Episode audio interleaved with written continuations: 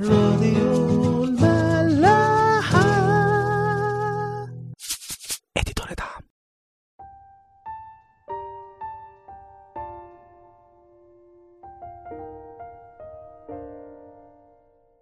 مساء الخير واهلا بيكم في حلقة جديدة من عيش وملح.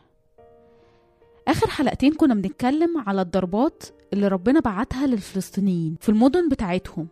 عشان أخدوا تابوت العهد من شعب إسرائيل بعد ما هزموهم في الحرب. ربنا ضرب الفلسطينيين بالبواسير اللي موتت ناس كتير منهم وكمان ضربهم بالفيران اللي خربت أرضهم وأكلت محصولهم وجابت لهم مرض الطاعون كمان. يقول الكتاب إن يد الله كانت ثقيلة جدا عليهم لدرجة إن صراخهم ده طلع للسماء تابوت ربنا قعد في بلاد الفلسطينيين الوثنيين سبعة أشهر. بعدها الفلسطينيين جابوا كهنة وعرافين وسألوهم نعمل إيه بتابوت ربنا؟ إزاي نرجعه تاني مكانه؟ الكهنة والعرافين دول قالوا لهم لو رجعتوا تابوت إله إسرائيل ما ترجعوهوش فاضي. لازم تبعتوا معاه قربان إثم. ولما تعملوا كده هتتشفوا. فرجع الفلسطينيين يسألوهم تاني إيه قربان الإثم اللي المفروض نبعته؟ قالوا لهم على قد عدد أقطاب الفلسطينيين تبعتوا خمس بواسير من الذهب وخمس فيران من الذهب. اعملوا تماثيل للبواسير وللفيران وادوا مجد الإله إسرائيل. يمكن يخفف إيديه من عليكم وعلى آلهتكم وعلى أرضكم. ما تخلوش قلبكم غليظ زي المصريين وفرعون. اللي ربنا بعت ضرباته عليهم وخلص شعبه منهم. الفلسطينيين طبعا كانوا شعب ما يعرفش ربنا. فراحوا لكهنتهم وللعرافين. المؤمن وقت الضيقات بيجري على ربنا. بس اللي ما يعرفش ربنا وقت الضيقة هيجري على أي حاجة تانية. هيجري من المخلص الحقيقي ويروح لمخلص مزيف. ربنا وقتها استخدم الكهنة الوثنيين والعرافين عشان يشهدوا ليه. الموقف ده بيفكرنا ببلعام النبي الساحر الوثني اللي كان كل ما يجي يلعن شعب ربنا ربنا يخليه بالعكس يباركه. وبما إننا في الميلاد في مرة كمان حصل قصة شبه دي.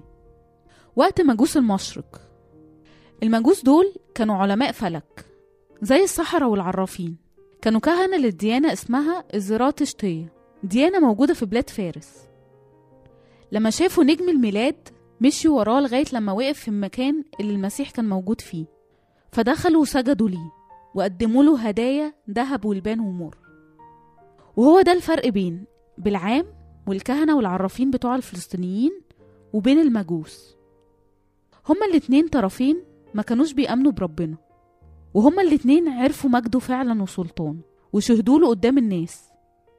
بس في منهم اللي شهد له وكملوا في ضلالهم عادي وناس تانية لما عرفت مجده جت وسجدت له وأمنت بيه.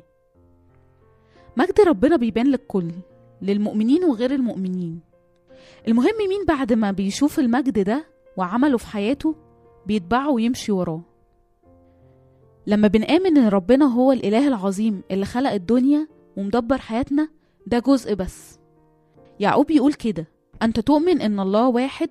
حسنا تفعل والشياطين يؤمنون ويقشعرون.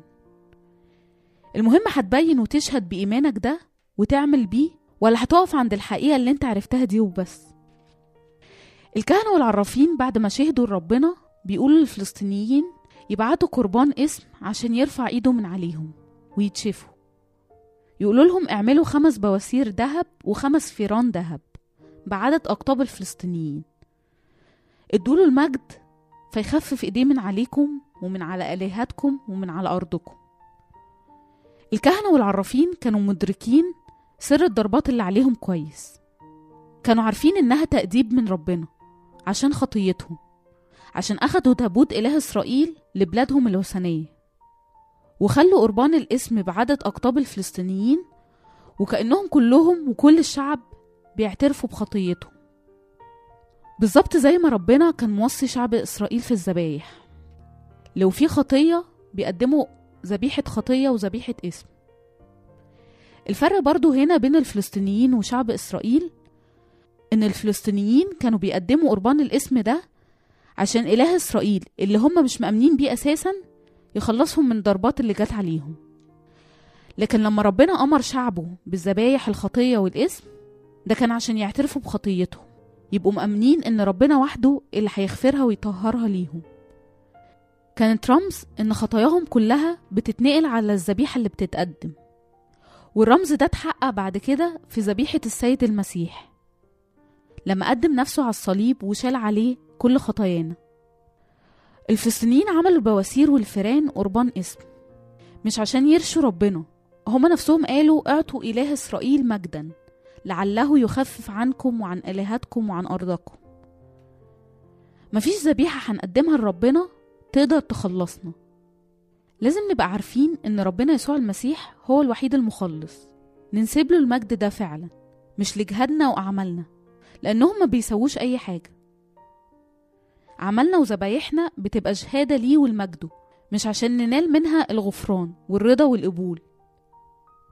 بولس في رسالة أهل غلاطيا يقول إذ نعلم إن الإنسان لا يتبرر بأعمال الناموس بل بإيمان يسوع المسيح. أمنا نحن أيضا بيسوع المسيح لنتبرر بإيمان يسوع لا بأعمال الناموس لأنه بأعمال الناموس لا يتبرر جسد ما. ويقول في رسالة تيتس لا بأعمال في بر عملناها نحن بل بمقتضى رحمته خلصنا بغسل الميلاد الثاني وتجديد الروح القدس. بعد كده الكهنة والعرافين بيكملوا ويقولوا للفلسطينيين ما تخلوش قلبكم غليظ زي المصريين وفرعون عشان ما يحصل لكمش زيهم. واضح إن درس فرعون مع موسى وشعب إسرائيل وصل لكل الناس وكل الشعوب بقت تاخده عبرة. يا ريت كلنا نتعلم من خطايانا وخطايا اللي حوالينا. نستفاد منها ونتعلم الدرس ونقدم توبة بعد ما الكهنة والعرافين بيقولوا لهم يرجعوا تابوت العهد وجواه قربان إثم خمس بواسير وخمس فيران دهب بيقولوا لهم حاجة غريبة قوي. يقولوا لهم يحطوا تابوت العهد على عجلة جديدة. بقرتين مرضعتين يعني لسه بيرضعوا أطفالهم هم اللي يمشوا بيه. والبقرتين دول ما يكونوش شالوا نير قبل كده. يعني ما كانوش بيمشوا مثلا في ساقية. يقولوا لهم اربطوا البقرتين بالعجلة ورجعوا أطفالهم البيت. حطوا التابوت على العجلة وأمتعة الذهب اللي هي قربان الاسم حطوها في صندوق جنبه. وبعدين اطلقوه علشان يرجع مكانه. وشوفوا كده لو طلع في طريق بلاده بيت شمس يبقى فعلا التابوت هو اللي عمل فينا كل الشر العظيم ده. ولو البقرتين ما اتجهوش بيه لأرضه يبقى مش هو سبب الضربات علينا. وكل ده كان صدفة. مش نتيجة لوجوده في وسطينا وفعلا الرجالة بيعملوا كده بالظبط. بياخدوا البقرتين المرضعتين من أطفالهم ويربطوهم في العجلة الجديدة ويحبسوا أطفالهم في البيت. وبعد كده يحطوا تابوت العهد على العجلة وجنبه الصندوق اللي فيه البواسير والفيران الذهب. البقرتين بدل ما يرجعوا بالغريزة لولادهم بيمشوا على طول في الطريق بيت شمس عند شعب إسرائيل. الكتاب يقول عليهم كانتا تجأران وصوت غوار البقرة ده كان بسبب ولادهم المحبوسين. كمان البقرتين دول لم يعلهما نير يعني ما كانوش متدربين. والبقر اللي مش متدرب ما يقدرش يمشي في طريق معتدل. ومع كده البقرتين دول كانوا بيسيروا في اتجاه واحد ما بيميلوش لا شمال ولا يمين. وأقطاب الفلسطينيين كانوا ماشيين وراهم لغاية ما وصلوا بيت شمس. واضح إن كل اللي بيحصل ده كان عكس الطبيعة. زي ما يكون في قوة خفية كده بتحركهم وطبعا دي كانت قوة ربنا. مع إن شعب إسرائيل كان خاطي وبتهاونه فقط تابوت ربنا ربنا بيوريله ويوري لنا كلنا إنه مشتاق برضه يرجع له. وبيثبت إثبات قاطع لكل شعب الفلسطينيين إن فعلا وجود تابوت ربنا وسط شعبهم الوثني كان سبب الضربات اللي حلت بيهم. ربنا زي ما عمل مع شعب إسرائيل بيعمل معانا. برغم كل خطايانا وضعفاتنا هو مشتاق يرجع ويسكن فينا. بينسى كل اللي فات. بولس في سفر أعمال إصحاح 17 بعد ما بيقول لأننا به نحيا ونتحرك ونوجد يقول فالله الآن يأمر جميع الناس في كل مكان أن يتوبوا متغاضيا عن أزمنة الجهل. نكمل حكايتنا بكرة. راديو ملاح. دنيا